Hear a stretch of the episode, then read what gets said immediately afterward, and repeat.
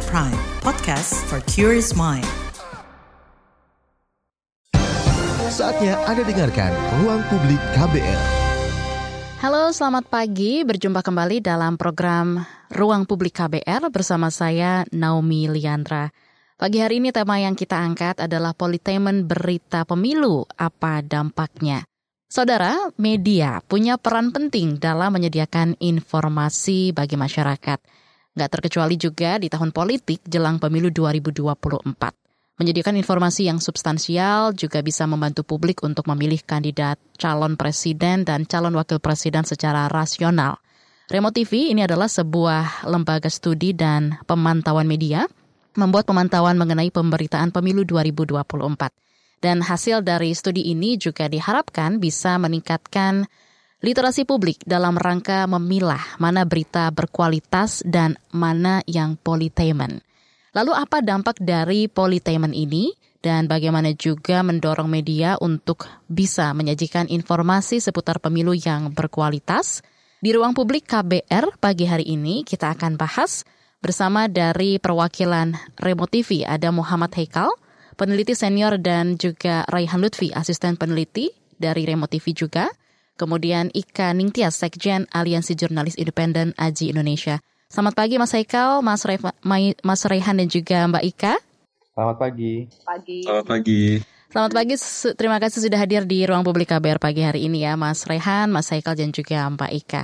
Oke, Remo TV, uh, eh, Mas Rehan, ini kan membuat pemantauan yang mengenai pemberitaan pemilu 2024 hasilnya juga banyak nih media yang mengangkat isu nggak substantif atau bisa dibilang konten politik yang nuansanya hiburan atau kita sebut dengan politainment tadi ya. Bisa dijelaskan nih Mas Raihan lebih jauh lagi temuan Remote TV terkait pemberitaan pemilu 2024 di media. Silakan.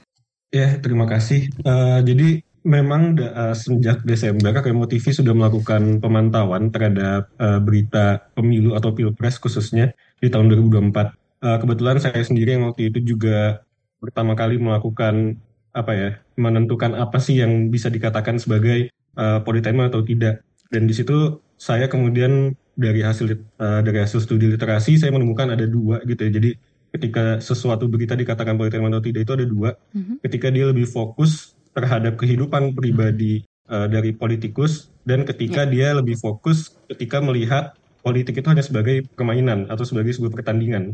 Dia hanya fokus kepada survei siapa yang menang siapa yang didukung siapa.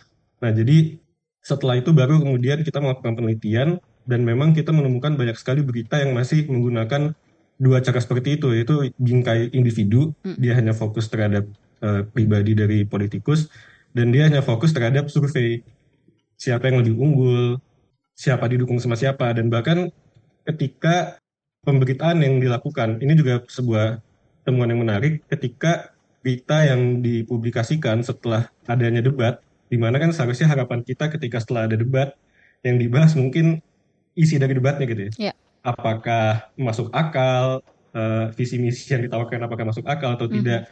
Uh, tapi ternyata justru yang kita temukan lagi-lagi berita-berita yang hanya fokus pada individu. Misal contoh mm -mm. Uh, berita yang membahas pakaian dari calon ketika yeah. debat, bahas gesturnya, bahas sopan santunnya. Uh, nggak ada itu, kemudian nggak ada yang dibahas apakah ini masuk akal, ide-ide yang dia tawarkan, itu nggak masuk. Jadi mungkin itu salah satu yang menarik ada di sana ya. Jadi bahkan ketika yeah. ketika ada sebuah event yang benar-benar membahas substansi dari politik, berita tetap nggak membahas itunya. Yang dibahas elektabilitas setelah debat. Hmm. Bagaimana gaya dia berbicara, gaya pakaiannya, gestur tubuhnya. Jadi kurang lebih mungkin itu adalah satu temuan yang menarik ya karena hmm. kalau kalau masalah politainment mungkin itu sudah biasa kita semua sudah tahu cuman kita ternyata di di penelitian ini kita mengonfirmasi bahwa bahkan ketika ada debat atau bahasan-bahasan yang substantif tetap aja itu nggak dimakan sama media uh, dan yang dikeluarkan lebih banyak ya tadi itu yang membahas individu dan membahas sekedar survei sekedar siapa yang menang dan siapa yang kalah kurang lebih sih kayak gitu. Oke baik, jadi lebih uh, bingkai individunya ya, survei seperti apa yang mungkin lebih unggul, kemudian juga tadi seperti yang disampaikan bahas gesturnya, terus juga sopan santunnya, pakaiannya dan lain sebagainya begitu ya. Jadi bisa yeah. dibilang masih kurang nih bahas soal program-program yang diusung oleh uh, paslon. Oke, kita ke Mas Haikal. Mas Haikal ini peneliti senior dari Remote TV ya. Dalam pandangan Anda nih Mas Haikal, seperti apa situasi politainment di Indonesia saat ini, terutama di tahun politik? Apakah politainment ini marak cuma pas jelang pemilu aja atau seperti apa? Silakan. Sebenarnya fenomena ini bukan fenomena yang uh, uh, uh, baru muncul di pemilu, tapi itu adalah uh, garis besar dari bagaimana pemberitaan politik kita uh, dari sejak sebelum pemilu pun kita sering melihat bahkan uh, apa namanya hmm, bagaimana misalnya dulu uh, pemberitaan tentang Pak Jokowi itu mengeksplor sisi-sisi kehidupan personalnya, keluarganya, anak-anaknya dan sebagainya. Sebenarnya sesuatu yang tidak uh, terlalu relevan dengan misalnya uh, posisi Pak Jokowi sebagai presiden gitu. Nah, tapi di konteks pemilu ini menjadi sesuatu yang lebih urgent lagi. Kenapa? Karena di momen ini uh, bangsa Indonesia akan memutuskan siapa yang akan memilih. Kita semua tahu ke, uh, pilihan atau aksi yang akan kita ambil itu pasti ditentukan oleh informasi yang kita dapatkan. Hmm. Apa jadinya kalau informasi yang kita dapatkan uh, isinya kolesterol semua gitu, nggak ada dagingnya nggak ada eh, nggak ada sesuatu yang bermakna. Nah ini yang menjadi kenapa fokus ini menjadi penting bagi remote TV karena ini akan uh, menurunkan kualitas demokrasi kita. Bagaimana mungkin kita bisa memilih secara rasional ketika informasi yang disuju, uh, disajikan semuanya emosional, mengajak kita emotional appeal sama personal dari kandidat. Yeah. Itu sih. Oke, okay, baik. Jadi um, tadi seperti disampaikan juga begitu ya, sesuatu yang tidak terlalu uh, relevan seperti itu dan menjadi politemen ini jadi garis besar pemberitaan politik juga di media kita. Nah kalau dari sisi jurnalis nih Mbak Ika, seperti apa nih Mbak Ika? Kan kalau banyak uh, konten politemen diangkat di media nih Mbak, apa dampaknya bagi media itu sendiri dan masyarakat ke depannya? Iya terima kasih.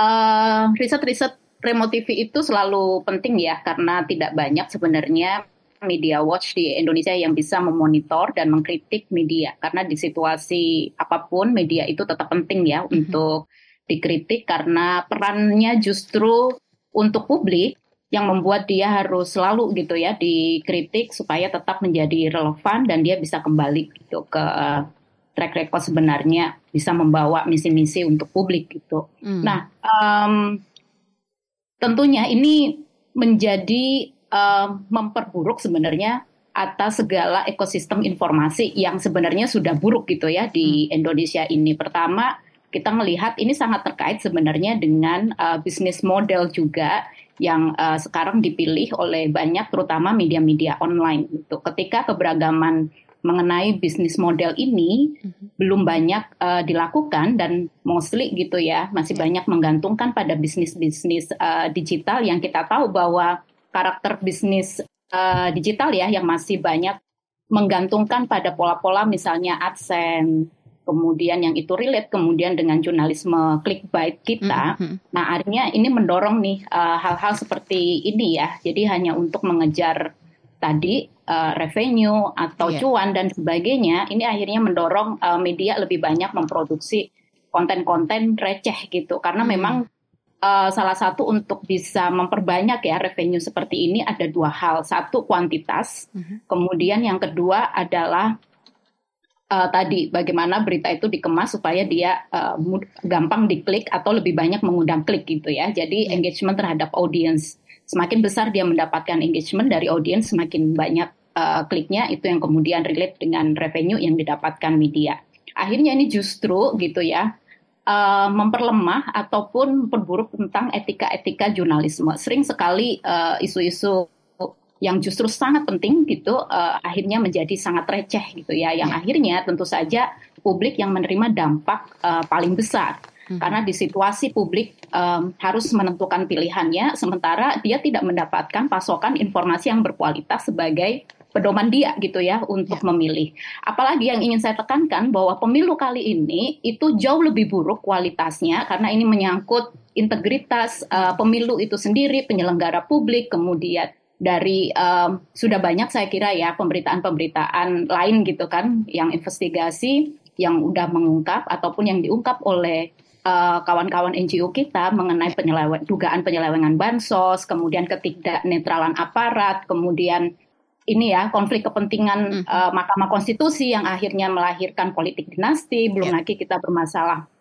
dengan kandidat yang uh, bermasalah dalam isu apa ini pelanggaran hak asasi manusia di masa lalu dan ini semua tidak hanya membutuhkan um, ini ya pantauan dari media, tapi ini membutuhkan partisipasi juga dari publik untuk yeah. memantau lebih banyak pelanggaran-pelanggaran, terutama yang ada di daerah-daerah uh, sekitarnya, di mana uh, publik ini kemudian melihat pelanggaran, kemudian dia bisa aktif uh, melaporkan gitu ya, yeah. baik itu ke Bawaslu atau penyelenggara pemilunya ataupun ke platform-platform yang sekarang sebenarnya udah banyak sekali dibuka oleh um, teman-teman uh, NGO. Jadi ada Baik. dua hal, tidak hanya ini menentukan nanti pada pilihan, tapi juga harus mengajak publik saat ini lebih banyak untuk mengawasi dugaan-dugaan penyelewengan uh, pemilu. Oke, okay, baik. Um, bisnis model media ini jadi alasan politeben gitu ya. Tapi um, Mas Haikal, apakah ini bisa dibalik kah? Jadi politemen ini buat pengawasan masyarakat jadi lebih kurang kritis begitu? Atau ada contoh nih di negara lain dampak buruk dari politeman ini terhadap demokrasi? Iya, uh, sebenarnya apa yang tadi barusan disampaikan Ika itu udah jadi satu catatan. Hmm. Gini, ada banyak hal yang harus kita perhatikan dari pemilu ini. Isunya substantif banget soal potensi kecurangan, misalnya hmm. tadi ya, bagaimana memastikan seluruh proses demokrasi ini berjalan ada isu dengan uh, program-program capres. Nah, banyak hal ini itu kan harusnya yang menjadi pembicaraan publik kan. Gitu. Yeah. Nah, ketika in, ya, ini malah diisi sama apa? Sama politainment, sama informasi yang tadi kita kritik ya.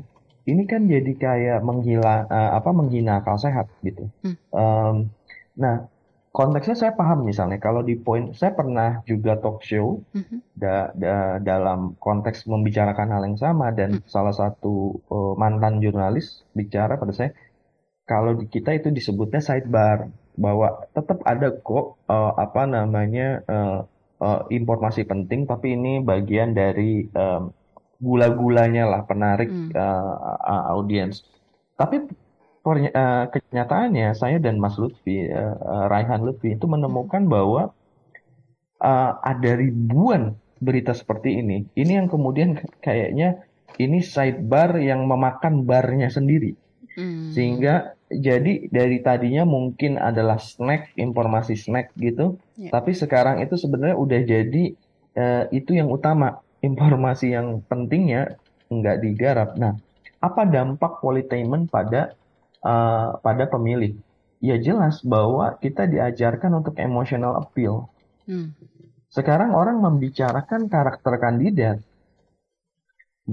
pembicaraan diskursus ruang publik kita, even dalam tadi Mas uh, Raihan bilang dalam debat yang isinya semua gagasan, kita bicaranya apakah uh, si A atau si B, kandidat A atau B, mana yang lebih sopan dan gak sopan bahwa itu satu hal penting dalam manner kita yeah. di di Indonesia tapi bukan itu utamanya mana yang lebih masuk akal programnya itu yang nggak terbicarakan gitu okay. saya kira itu Baik Mas Haikal, Mas Rehan dan juga Mbak Ika, nanti kita akan kembali lanjutkan perbincangan pagi ini. Tetaplah di Ruang Publik KBR. Masih Anda dengarkan Ruang Publik KBR. Commercial break. Commercial break. Buat kamu yang always hektik, apalagi di kantor yang toxic, working gak ending-ending, ditambah si bos yang grumpy, bikin salty. Apaan tuh artinya, Neng? Artinya si bos cerewet dan bikin bosen. Oh. Join yuk di KBR Pagi, siaran pagi radio paling update, menghadirkan berbagai informasi yang paling update dan terkini, ditambah playlist yang lit and chill. Apaan lagi ini artinya, Neng? Ih, rese. Artinya keren dan menyenangkan. Oh iya iya. Simak KBR Pagi setiap Senin sampai Jumat mulai pukul 7 pagi di radio jaringan KBR dan podcast kbrprime.id.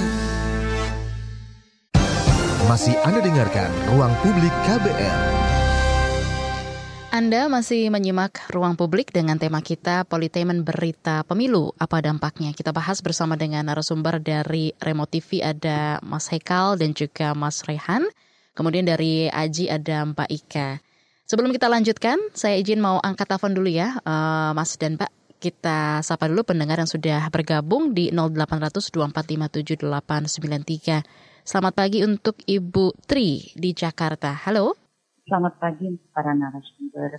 Saya setuju sekali dengan apa yang Anda katakan ya, karena uh, terus terang uh, di debat itu sendiri juga saya tidak saya tidak mendapat jawaban dari uh, tanya jawab ataupun dari pertanyaan-pertanyaan yang uh, ada disampaikan atau ditanyakan oleh para panelis ya.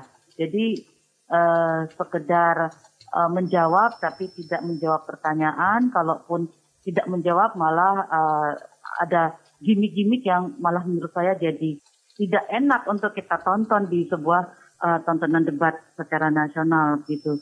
Cuman uh, yang saya tanyakan kalau di media kita saja sudah uh, banyak apa tadi politainment, apakah uh, ini juga um, apa ya? Uh, apakah remote TV juga melakukan uh, melihat ini terjadi di uh, media sosial?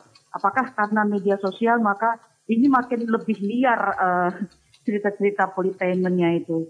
Nah, yang kedua, kalau tadi uh, salah satu narsum mengatakan bahwa uh, politainment katanya awalnya hanya untuk snack, ternyata jadi makanan pokok. Lalu kemudian apa jadinya masa depan media kita kalau hal seperti ini terus berlangsung bahkan selepas pemilu begitu. Terima kasih. Uh, mohon ditanggapi mungkin dari Mas Rehan. Silakan Mas Rehan. Ya, jadi uh, terima kasih pertanyaannya. Uh, kalau masalah di sosial media ya kita juga karena sebenarnya kan berita-berita uh, juga kebanyakan uh, dibagikan di media sosial dan memang di situ uh-huh. justru lebih banyak emang apa berita-berita yang sifatnya politainment dan tapi yang menarik adalah bukan cuman kemudian berita mainstream aja yang menghasilkan politainment, tapi karena emang semuanya udah dibingkai sebagai hiburan, hmm. netizen-netizen juga akhirnya ya kayak gitu juga melihat politik hanya sebatas hiburan. Mungkin bisa hmm. kita lihat paling kentara ya di debat kemarin ya debat yang keempat, ya setelah debat selesai, apa yang muncul di TikTok, apa yang muncul di Twitter dan Instagram yang dibahas kan lagi-lagi yeah. Ya. uh, ininya ya apa performa dari kandidatnya apa walaupun mungkin di Twitter kalau saya lihat ada beberapa yang coba untuk mengangkat mm. mendefinisikan ulang sebenarnya green fashion itu apa cuman itu semua tertutup dengan lagi-lagi orang bagiin TikTok joget-joget tidak jeduk pakai uh, cuplikan-cuplikan di debat jadi ya pada akhirnya warga juga mm. karena digiringnya ke arah sana ya ngikutin mm. Mungkin tambahan dari uh, Mbak Ika dulu. Silakan Mbak Ika. Ya, sebenarnya debat kemarin itu momen yang cukup bagus ya untuk uh, membahas lebih dalam isu-isu yang sebenarnya itu sangat relate dengan kehidupan masyarakat sehari-hari ya, karena ngomongin hal-hal yang memang uh, terjadi gitu dan sangat dekat, misalnya soal pangan, soal energi dan sebagainya. Bahkan di beberapa materi-materi um, debat itu sebenarnya bisa uh, diperdalam gitu oleh hmm. media untuk lebih mendorong pada arah uh, ini ya pada kebijakan gitu ya misalnya kan hmm. mm, ketika Gibran menyatakan soal 1,5 juta uh, lahan masyarakat adat sudah diakui gitu ya ternyata itu kan datanya keliru dan itu kemudian rame ya di di uh, Twitter oleh pendukungnya di Instagram dan sebagainya. Nah ini sebenarnya potensi yang cukup bagus kalau media bisa memperdalam isu ini yang selama ini kan isu-isu masyarakat adat cukup marginal gitu kan. Nah, tapi itu memang tidak dilakukan gitu. Memang lebih habis pada tadi yang bahas masalah kostum, gestur mm-hmm. dan uh, sebagainya dan itu semua akhirnya uh, bisa dua sisi sebenarnya. Yeah. Media itu cara kerja bisnis kan kan bisnisnya supaya dia lebih banyak diklik, dia ngikutin nih apa yang menjadi tren perbincangan di media sosial. Itu yang mm. kemudian mereka amplifikasi yang itu semua akhirnya justru memperkuat apa yang diperbincangkan uh, atau yang menjadi obrolan-obrolan uh, di media sosialnya gitu ya. Jadi dua arah yang justru ini makin negatif memperkuat di media sosialnya. Bahkan kalau kita mau mundur uh, sedikit, bagaimana sebenarnya karena kita terlalu fokus tadi ya uh, pada salah satunya masalah gestur dan sebagainya. Nah, media justru menjadi bagian untuk mengamplifikasi nih kayak gemoy dan sebagainya. Dan kemudian kita nggak sadar gitu Hmm. ya, media nggak sadar kita turut dalam bagian misalnya kalau Mm-mm.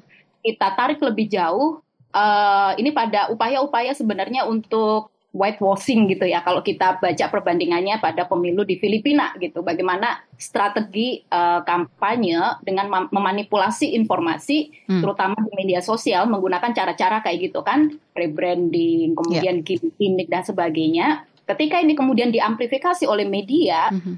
karena begitu eh, beberapa pendukungnya terus ngomong-ngomong game, itu langsung tuh ditangkap Mm-mm. mentah-mentah aja gitu ya sama media, akhirnya itu menjadi populer. Jadi media udah eh, ikut berdosa juga sebenarnya mempopulerkan misalnya gini dan Ya. kita nggak sadar bahwa sebenarnya ini juga bagian dari strategi whitewashing ya untuk Oke. untuk kejahatan di masa lalu seperti kejadian eh, pengalaman Fili- di Filipina. Oke, Mbak Ika tadi bilang eh, seperti whitewashing. Kalau tadi Mas em, Raihan bilang masyarakat jadi melihat politik ini jadi sebatas hiburan. Kalau dari Mas eh, Haikal sendiri seperti apa tanggapan Anda? Tambahkan nih, silakan. Nah, persis. Jadi saya mungkin mau nambahin lagi satu satu dimensi Ya, bahwa silakan. eh, yang tadi sudah dimulai sama Ika. Eh, kata kuncinya adalah ini eh, politainment ini ini semacam eh, bukan ha- hanya dalam tanda petik dosa media ya, tapi juga dosa politisi karena memang politisi mengambil jalur ini bukan hanya Prabowo dengan gemonya, tapi hampir bahkan Anies main TikTok dengan eh, Ganjar dan sebagainya dengan gimmick Top Gun pada debat yang lalu, debat terakhir. Nah, artinya ada upaya politisi emang membuat uh, uh, politik itu tidak substantif karena mereka ingin dipilih karena mm, likability, bukan karena gagasan dan idenya gitu ya. Hmm. Tapi sayangnya media yang harusnya bekerja sebagai uh, uh, apa uh, pihak yang kemudian menagih akuntabilitas dari politisi justru uh, malah malah ikut dalam arus permainan uh, permainan ini gitu dan bahkan sebenarnya nanti Mas Lutfi bisa Mas Raihan bisa nambahin Mhm. bahwa uh, kalau kita bicara dosa media bahkan uh, dinasti politik itu dosa media Hmm. Kenapa? Ya studinya Mas Raihan misalnya menemukan bahwa sebelum 2014 nggak ada kata eh, Gibran atau Kaisang di eh, media online. Eh, dua anak Jokowi ini di, dibuat terkenal itu karena media meliput Jokowi bukan meliput kebijakannya, tapi meliput keluarganya secara personal gitu kan. Nah, eh, maksud saya dosanya dosanya media dalam pengertian ini adalah gini. Kita tak tahu dalam kompetisi demokratis seperti ini, popularitas adalah modal. Hmm. Dengan pola-pola politainment yang sekarang dan kelihatannya media belum menyadari itu karena sekarang udah mulai masuk lagi ke anaknya Ganjar. Ya. Gitu kan.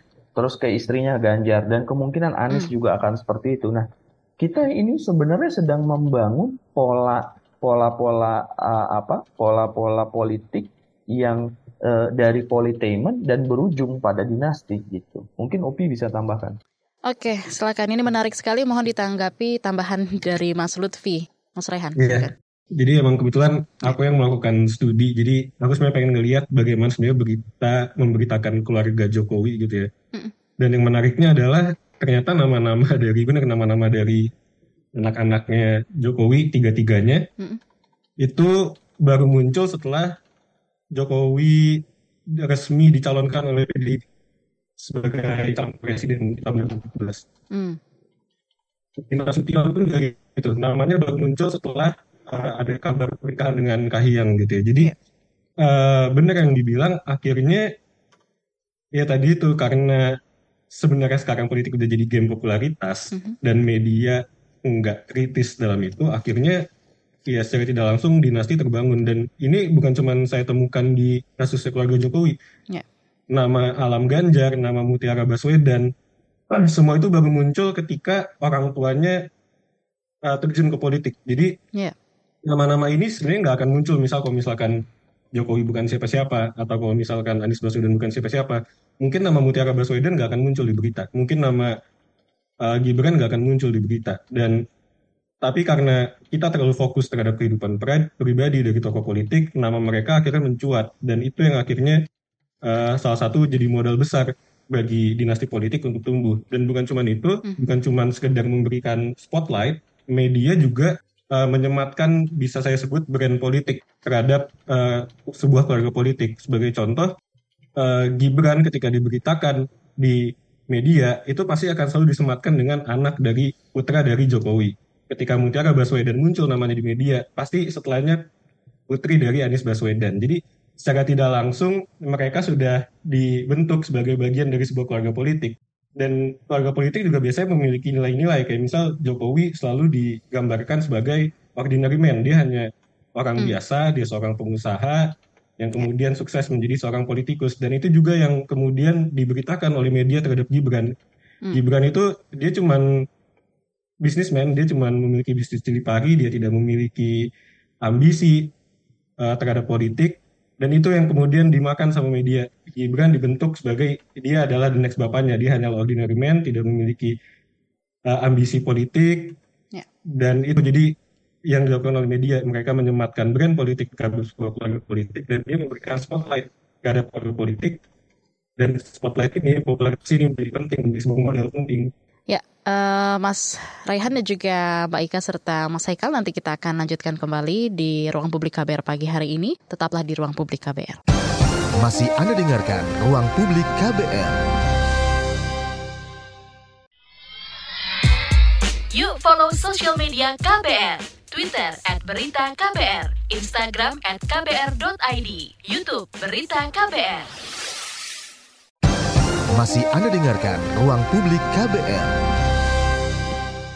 Politemen berita pemilu apa dampaknya dalam siaran ruang publik KBR pagi hari ini bersama dengan perwakilan dari Remote TV ada Mas Rehan dan juga Mas Haikal dan juga dari Aji ada Mbak Ika. Oke, uh, saya akan bacakan ya beberapa pesan WhatsApp yang sudah bergabung lumayan banyak nih di 0812 118 8181 mohon disimak. Satu persatu saya akan bacakan dari Lampung ada Ibu Bella. Saya selain nonton debat juga ngeliat efek pas setelah debat di medsos. Saya lihat media juga sudah ada beberapa yang bahas pernyataan dan data yang disampaikan paslon, seperti cek fakta. Sayangnya konten yang mengedukasi seperti ini kalah ramai dengan konten yang banyak gimmick. Lanjut dulu, satu lagi dari Lombok ada Ibu Yuli. Sepertinya justru komunitas yang lebih banyak peran dalam mengedukasi pemilih muda soal pemilu dan debat di sosmed. Gimana supaya media bisa berperan lebih dalam mengedukasi rakyat dan peran masyarakat seperti apa untuk ngawasin berita-berita media. Mohon ditanggapi dulu dari Mbak Ika, Mas Haikal, dan Mas Rehan. Silakan. Ya, inisiatif seben, seperti cek fakta ini ya. sebenarnya ya. juga salah satu upaya yang dilakukan Aji ya, karena Aji sudah melihat tren-tren uh, politainment maupun uh, bagaimana kemudian kebiasaan media untuk meliput isu pemilu itu yang selalu dangkal, makanya kita coba memperkuat ya dengan inisiatif-inisiatif uh, cek fakta ini untuk memberikan atau membantu publik sebenarnya tidak semua pernyataan-pernyataan dari kandidat itu bisa kita percaya gitu ya karena uh, banyak sekali data yang tidak akurat kemudian uh, menyesatkan dan ini bisa mempengaruhi sebenarnya secara langsung terhadap uh, publik gitu. Nah, tapi memang ini tidak cukup gitu karena uh, tadi ya kita menghadapi lebih banyak uh, pemberitaan karena itu tiap hari ratusan gitu konten-konten uh, media online itu yang sayangnya memang uh, di Indonesia itu um, untuk informasi atau pemberitaan yang lebih berkualitas itu kan lebih banyak berbayar gitu ya. Hmm. Yang kita tahu bahwa tidak uh, semua atau publik mau membayar uh, berita berkualitas yang yang pasti itu sebenarnya menyediakan informasi yang yang uh, lebih mengedukasi, yang lebih kritis atau uh, yang yang dia menerapkan jurnalisme watchdog gitu ya, pemantau kekuasaan. Nah, kedua, apa seruan-seruan supaya uh, media menjadi lebih independen dan kritis ini sebenarnya karena menemui kendala-kendala um, internal yang ini selalu berulang dan prakteknya terus dilanggengkan. hmm. seperti uh, yang kita tahu bersama mengenai oligarki media ya atau kepemilikan media yang terhubung secara langsung dengan elit partai politik yang dia juga dimiliki oleh ketua-ketua uh, partai misalnya. Yeah. Nah kita udah belajar sebenarnya udah tahu praktek praktek-praktek ini selalu menghasilkan jurnalisme-jurnalisme yang uh, bias gitu seperti laporan teman-teman Remo TV juga kan ya sejak 2014 yeah. kemudian itu berulang berulang lagi di 2019 dan kini juga berulang lagi gitu. Nah, di sisi lain kemudian itu ditambah di era digital, uh, bisnis mereka menjadi makin terkonsolidasi, makin banyak bikin-bikin uh, media-media online yang sayangnya juga makin memproduksi jurnalisme-jurnalisme yang uh, mutunya rendah dan kemudian tidak independen di saat uh, pemilik medianya terhubung dengan dukung mendukung dan sebagainya. Uh, bisnis medianya juga yang dipilih mostly masih mengandalkan gitu ya dari praktek-praktek uh, clickbait tadi dan sebagainya. Nah ini makin makin kuat nih kekacauan informasi ini. Ya. Nah makanya kita butuh sebenarnya uh, sedang mengadvokasi dorongan yang lebih kuat agar ke depannya media-media ini um, ada pengaturan yang jelas. Siapa sih yang boleh memiliki media? Karena kita sudah menghadapi uh, sekian banyak pemilu, ternyata kekacauan informasi ini tidak akan pernah selesai ketika kemudian uh, media dengan bebasnya kemudian dimiliki misalnya oleh politisi tidak ada disclaimer misalnya bahwa mereka menggunakan medianya sebagai corong partai politik mm-hmm. dan um, kemudian bagaimana uh, pola-pola bisnis uh, digital ini yang kemudian dijadikan uh, alasan gitu ya untuk keberlanjutan media dan sebagainya jadi memang uh, di sisi lain publik yang bertubi-tubi nih merasakan dampaknya karena makin ya. bingung karena ketika pun literasi media kita banyak lakukan, pilihlah media misalnya baca dari media-media yang kredibel, tapi bingung media yang kredibel hmm. sekarang itu makin makin uh, makin tidak memiliki standar gitu ya di Indonesia karena makin banyak jumlah media online yang ada. Jadi menumbuhkan pembaca pembaca-pembaca yang kritis itu sangat penting. Riset-riset seperti ini tentunya sangat penting dan peran sebenarnya Dewan Pers ya yang yang sayangnya sejauh ini masih lebih banyak dia menunggu aduan gitu, tidak proaktif okay. uh, untuk bisa misalnya terlibat gitu ya, menegur dan sebagainya uh, supaya media lebih banyak apa mengusung jurnalisme untuk publik. Baik, sebelum kita juga minta tambahan tanggapan dari Mas Haikal dan juga Mas Rehan, saya akan bacakan dari komentar di channel YouTube Berita KBR. Oke, dari Mas Doniel, Izin mau tanya, gimana kita tahu media mana yang benar-benar berikan fakta? Lalu apakah tindakan kita bila menemukan konten hoax dan ke mana pengaduannya? Mohon ditanggapi dulu dari Mas Haikal ya, lalu Mas Rehan silakan. Pertama aku nanggapi dulu yang uh, ya. poin dari yang sebelumnya ya. Silakan. Soal apa yang bisa dilakukan publik. Nah ini menarik gitu. Uh mhm. -huh. Nah saat ini remote TV itu sebenarnya sudah menyadari apa yang tadi di, diungkap oleh Ika ya bahwa ya, ini berkait erat dengan bisnis model.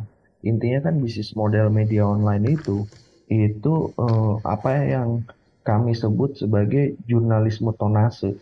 Jurnalisme yang memberikan informasi bertonton isinya semua lemak atau sebagian besar lemak gitu. Karena mereka ngejar klik. Nah, Uh, karena modus hidupnya dari situ, uh, modus uh, uh, meng menghasilkan uangnya gitu. Nah, di situasi yang kayak gini, mau nggak mau kita harus melakukan perubahan lewat intervensi pasar. Intervensi pasar dalam artian ini diakui atau enggak, publiknya memang suka konten-konten yang sifatnya kayak gitu dan kita harus lakukan sesuatu terhadap publik. Dengan publik yang berubah, insya Allah medianya bisa jadi uh, lebih baik. Nah, mm. karena itu ya, inisiatif yang kita coba lakukan adalah kita sedang bikin campaign untuk apa yang kita sebut dengan tolak basa-basi politik. Informasi snack yang kayak tadi kami mm. sebut itu basa-basi yang nggak perlu gitu. Nah, apa yang kita lakukan? Kita lakukan untuk mengajak uh, saat ini remote TV fokus pada anak muda mm. karena fokus uh, uh, apa pemilih terbesar uh, di tahun ini adalah anak muda, hmm. tapi nggak menutup kemungkinan untuk siapa pun ingin terlibat. Kita sedang ngajak orang melakukan komen massal hmm. di uh, uh, saluran media yang banyak mem mem memproduksi uh, uh, politainment dengan mengatakan kami tidak mau lagi bahasa bahasa basi politik, kami mau informasi yang substansial. Nah, untuk tahu lebih lanjut, kunjungi sosial media Remote TV. Di sana akan ada informasi mengenai bagaimana teman-teman bisa terlibat untuk melakukan uh, uh, perubahan. Itu yang pertama. Yang kedua tadi soal apa? Sorry, jadi lupa. Yang kedua itu soal membedakan ya, politainment dan uh, iya. atau hoax ya. Betul. Mungkin ini bisa di Raihan. Silakan Mas Rehan, tambahan dari Angga. Hmm. Anda? Ya, jadi uh, kalau misalkan membedakan mana yang berkualitas dan mana yang tidak gitu ya.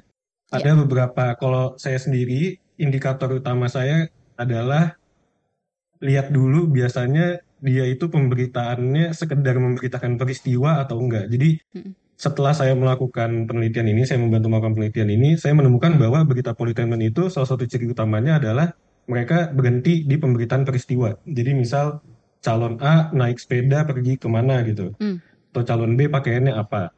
Sekedar peristiwa tapi nggak sampai ke dalam, nggak sampai menuju kayak emang kenapa kalau dia naik sepeda pergi ke ini, emang kenapa kalau emang kenapa kalau misalkan pakaian dia dari UMKM.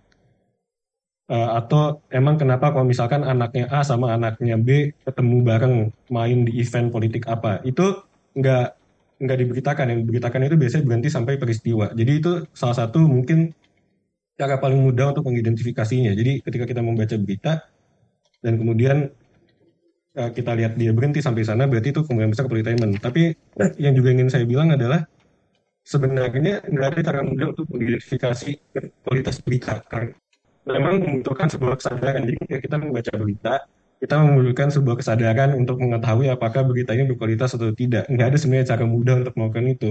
Justru hmm. ketika kita ingin mengonsumsi berita secara mudah, yang terjadi adalah kita kemudian terjerumus ke dalam berita-berita yang tidak berkualitas karena kita tidak berusaha untuk kemudian mengkritisi apa isi dari media tersebut. Karena tadi yang uh, saya juga setuju dengan disebutkan oleh Mas Haikal, uh, ya ada peran dari konsumen juga di sini.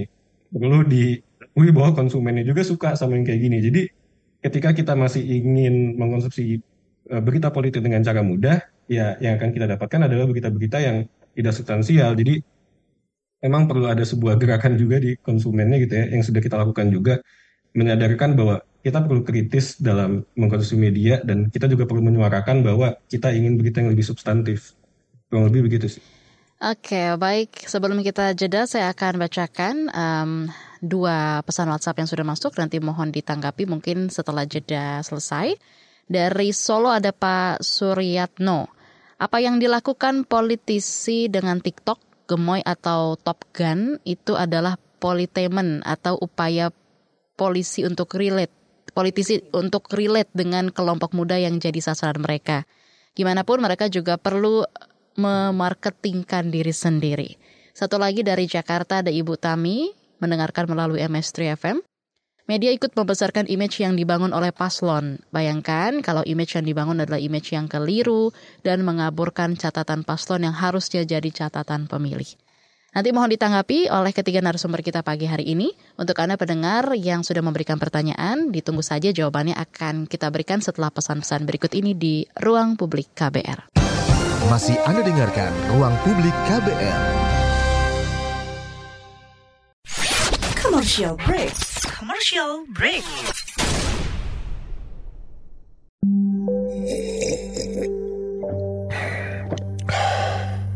Yakin, cukup teh doang. KBR sore, siap menjadi teman sore hari kamu, biar kamu gak kesepian. Dapatkan rangkuman perkembangan berita terpenting di sore hari dari bidang politik, ekonomi, sosial, budaya, dan olahraga dari dalam dan luar negeri.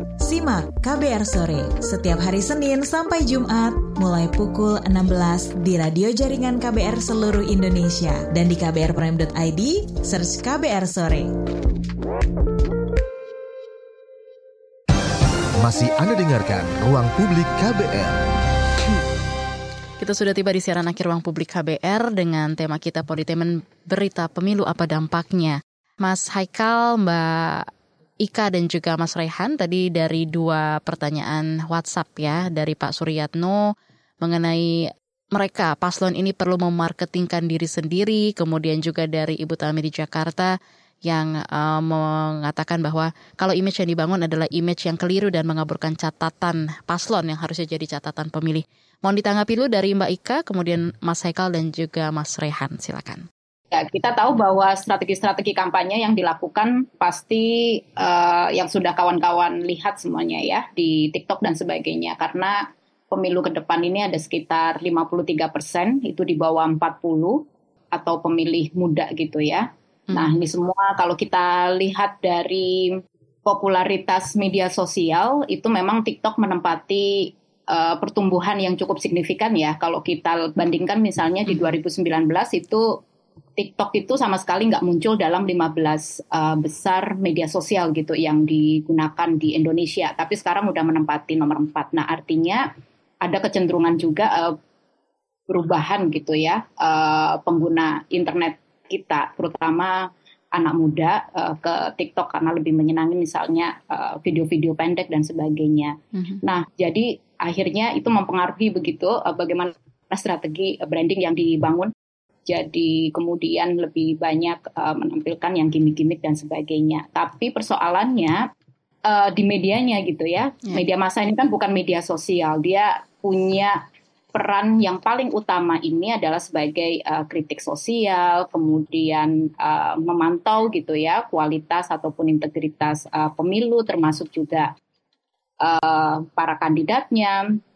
Nah, kemudian ketika media ikut mengamplifikasi sebenarnya cara-cara yang uh, di media sosial itu kemudian makin mengaburkan gitu ya apa yang uh, seharusnya media lakukan bisa jauh lebih itu untuk lebih membantu publik mengawasi tadi ya peran-peran untuk memahami gagasan-gagasan program dan sebagainya. Nah ini memang uh, situasinya kita berada di penurunan demokrasi, kemudian represinya juga makin meningkat. Di sisi lain bagi jurnalis kadang dan media tantangannya jadi double-double ya selain tadi dari internal, kemudian di sisi lain sebenarnya jurnalis itu uh, makin banyak beban juga ya di era digital seperti ini dan dia dituntut sebenarnya untuk memproduksi lebih banyak berita dan akhirnya uh, kuantitas gitu yang lebih banyak dan itu mendorong uh, teman-teman jurnalis di, lapang, di lapangan akhirnya lebih banyak memberitakan yang dangkal-dangkal. Uh, nah, di sisi lain Mm-hmm. Makanya ini butuh uh, peran lebih besar dari media juga untuk memahami situasi ini. Kalau tidak, ini pertaruhannya pada demokrasi kita yang sebenarnya angkanya sudah turun yeah. semua ya. Ini harus menjadi sinyal bersama karena kalau demokrasinya nanti makin memburuk nih, bahkan beberapa scholar juga udah khawatir ya kalau situasinya nanti makin memburuk. Nah, ini dampaknya ke semua ya, termasuk ke media, makin represif, makin sulit nanti untuk memberitakan uh, sesuatu yang kritis tadi terhadap publik juga, jadi makin sulit yeah. ya situasi ekonomi, sosial dan juga nanti mempengaruhi hal-hal yang uh, paling penting sebagai Oke, okay. baik. Terima kasih Mbak Ika. Dari Mas Haikal, tanggapan Anda seperti apa nih Mas? Dampak yeah. politeman ini pada pemilih muda, silakan. Ya, saya coba mengomentari tadi satu uh, pernyataan dari apa uh, dari pendengar ya bahwa yeah. Ya. uh, memang memang harus dilakukan karena politisi harus relate dengan pemilih muda. Saya mau masuk ke situ. Silakan. Uh, bagi saya hmm, uh, ada marketing, hmm. ada manipulasi gitu. Jadi hmm. ada perbedaannya itu. Jadi maksud saya apa? Kalau hmm, politisi itu mencitrakan diri sebagai muda, lalu punya semangat uh, muda uh, atau mengerti anak muda, tapi nggak menjelaskan apa yang hendak mereka lakukan untuk anak muda, apa programnya, bagi saya itu manipulasi. Uh, mereka hanya ingin dikenal sebagai dekat dengan anak muda, hmm. tapi sebenarnya nggak represent anak muda gitu. Nah, di sini bedanya marketing dengan manipulasi. Karena itu saya mm, ingin menekankan kalau ada uh, politisi yang mencoba mencitrakan dirinya sebagai muda, hmm. anak muda harus bertanya, emang hmm. Uh, persoalannya bukan kamu pakai baju seperti saya, yeah. persoalannya bukan kamu uh, uh, uh, melakukan hal-hal yang kita lakukan, tapi apa yang kamu akan lakukan untuk memastikan masa depan saya lebih baik di banyak aspek kehidupan gitu, di pendidikan, di kesehatan, di pekerjaan dan seterusnya. Ini yang harus diajukan. Jadi poinnya di sana gitu. Karena itu anak muda juga uh, uh, uh, kaitannya dengan media yang kemudian termakan oleh branding mm -hmm. politis ini. Karena itu kita harus bisa membedakan. Uh, saya melanjutkan yang tadi dibilang oleh Mas Raihan, uh, membedakan mana informasi berkualitas dan mana yang sebenarnya cuma mengikuti apa yang dilakukan oleh politisi. Yang pertama, yeah. kalau udah bahas personal mm. yang nggak relevan dengan policy, udah deh saatnya kita bilang enggak pada berita yang kayak gitu gitu. Yeah. Yang kedua, kalau cuma bahas menang kalah, misalnya pen, apa namanya ormas A dukung ini, hmm. uh, survei mengatakan si ini buat apa gitu. Hmm. Yang kita perlu tahu siapa yang akan kita pilih gitu. Hmm. Uh, itu yang paling penting. Dan yang lebih mengerikan, saya, saya ingin memberi catatan kalau capres itu masih banyak yang yang kita perhat, masih banyak media berkualitas yang memperhatikan capres. Pileg hmm. kita harus tahu pileg siapa orang yang kita pilih di legislatif. Ini yang paling mengerikan dan media benar-benar tidak memberi perhatian pada uh, pemilu legislatif. Karena itu kita sebagai warga negara harus secara mandiri mencari banyak informasi cari organisasi-organisasi yang ngasih kita informasi mengenai pileg hmm. supaya kita nggak masuk ke bilik suara dengan buta. Itu aja sih dari saya. Oke, baik. Jadi pileg ini tanpa disadari terabaikan ya, Mas Hekal. Oke, ya. tambahan dari uh, Mas Rehan, silakan, Mas Rehan. Uh, jadi menurut saya sendiri sebenarnya nggak terhindarkan masalah politisi kemudian melakukan branding atau marketing itu nggak terhindarkan ya karena emang itu yang coba mereka lakukan. Tapi kan kemudian apakah media harus ngikutin itu? Maksudnya harus termakan dengan itu. Itu kan sebuah pilihan yang lain. Jadi ya udah jelas politisi pasti akan melakukan itu supaya dia dipilih. Sekarang bagaimana tadi media yang seharusnya memiliki tanggung jawab sosial untuk nggak makan semudah itu dengan branding-branding dari tokoh politisi dan kalau tadi bicara tentang TikTok yeah. bagaimana sekarang dia menjadi penyebaran utama sebenarnya kita juga perlu menyadari uh, media sosial khususnya juga memiliki potensi kemudian untuk melawan politainment tadi ya. Kalau sekarang kan memang TikTok masih dipakai untuk nyebarin politainment, untuk nyebarin potongan-potongan uh, cuplikan, dikasih video jelas jeduk dan yeah. kemudian dikasih narasi yang politainment. Tapi sebenarnya dia juga bisa jadi potensi entah itu dari media atau entah itu dari masyarakat sipil mm -hmm. untuk uh, kemudian menambahkan substansi dari sesuatu yang tidak substantif. Jadi kebanyakan mungkin aku menemukan ini banyak di Twitter ada orang melakukan seperti itu ya kayak nambahin substansi. Cuman kan kalau ditanya seberapa banyak yang main tweet kayak gitu ya. Sedangkan kita tahu bahwa lah besar utamanya dan sebenarnya itu jadi sebuah potensi besar baik dari media atau masyarakat sipil kalau misalkan nemu sebuah video yang membahas politik tidak secara substantif, kemakan cuma dengan gimmick, kemudian melupakan bahwa misal dia sebenarnya adalah pelanggar HAM, dia memiliki catatan-catatan buruk itu kan bisa di skip sebenarnya dan kita bisa menambahkan konteks terhadap sesuatu yang udah nggak kontekstual lagi jadi media sosial sebenarnya bisa menjadi sebuah kekuatan yang emang Baik. potensinya belum direalisasikan. Baik, uh, terima kasih untuk ketiga narasumber kita pagi hari ini. Terakhir, bisa disampaikan masing-masing satu menit karena waktu juga terbatas. Mohon maaf dari Mbak Ika, kemudian Mas Rehan, mungkin ditutup oleh Mas Haikal ya mengenai topik kita pagi hari ini, Politemen Berita Pemilu, apa dampaknya pesan bagi masyarakat di tengah maraknya politemen di tanah air. Silakan, masing-masing satu menit singkat saja. Iya, terima kasih. Nah, karena kita melihat uh, bagaimana otoritarisme elektoral ini makin mengkhawatirkan bagi demokrasi kita dan ada menurunnya kepercayaan terhadap penyelenggara pemilu dan juga institusi-institusi demokrasi yang lain. Jadi saatnya memang peran ini harus dipikul lebih besar oleh media. Nah, media yang harus berperan jauh lebih kritis, bahkan peran ini jauh ya. lebih dibutuhkan ya dibandingkan uh, sebelumnya dengan melihat uh, situasi yang Baik. jauh lebih menurun ya dibanding uh, sebelumnya. Jadi saya harap bahwa riset dari Remo TV ini bisa memantik teman-teman jurnalis, teman-teman media untuk bisa jauh lebih baik menghadirkan uh, jurnalisme yang berkualitas. Baik, uh, lanjut Mas Rehan.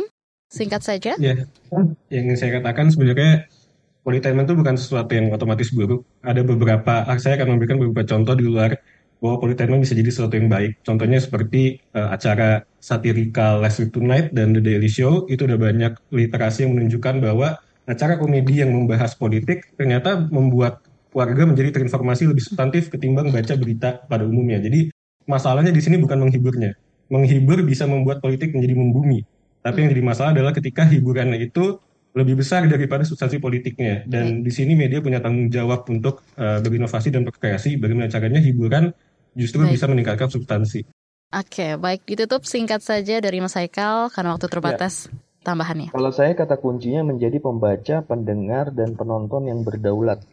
Tentukan bahwa kita, kita ingin sesuatu yang baik. Kalau kita aja untuk makan itu memilih mana yang sehat dan mana yang enggak, mana yang bergizi dan enggak, ini juga harusnya kita menentukan apa yang kita konsumsi, informasi yang kita konsumsi, mana yang penuh lemak dan kurang gizi, mana yang bergizi. Kita harus berdaulat apa yang masuk ke tubuh kita, karena apa yang masuk ke kepala kita itu akan menentukan kualitas pilihan kita nanti di 14 Februari. Itu aja sih. Baik, itu dia tadi ketiga narasumber kita ada Muhammad Haikal, peneliti senior Remote TV, kemudian juga Raihan Lutfi, asisten peneliti Remote TV, dan juga Ika Ningtyas, Sekjen Aliansi Jurnalis Independen AJI Indonesia. Terima kasih untuk Anda bertiga atas waktunya di ruang publik KBR pagi hari ini dengan tema kita yaitu Politemen Berita Pemilu, apa dampaknya? Juga untuk Anda pendengar yang sudah berpartisipasi memberikan pertanyaan, opini, pendapat, dan juga komentar Anda baik lewat WhatsApp, telepon bebas pulsa, dan juga komentar di YouTube, saya ucapkan terima kasih. Akhirnya saya Naomi Liandra bersama tim yang bertugas, pamit undur diri. Sampai jumpa. Baru saja Anda dengarkan Ruang Publik KBR. KBR Prime, cara asik mendengar berita. KBR Prime, podcast for curious mind.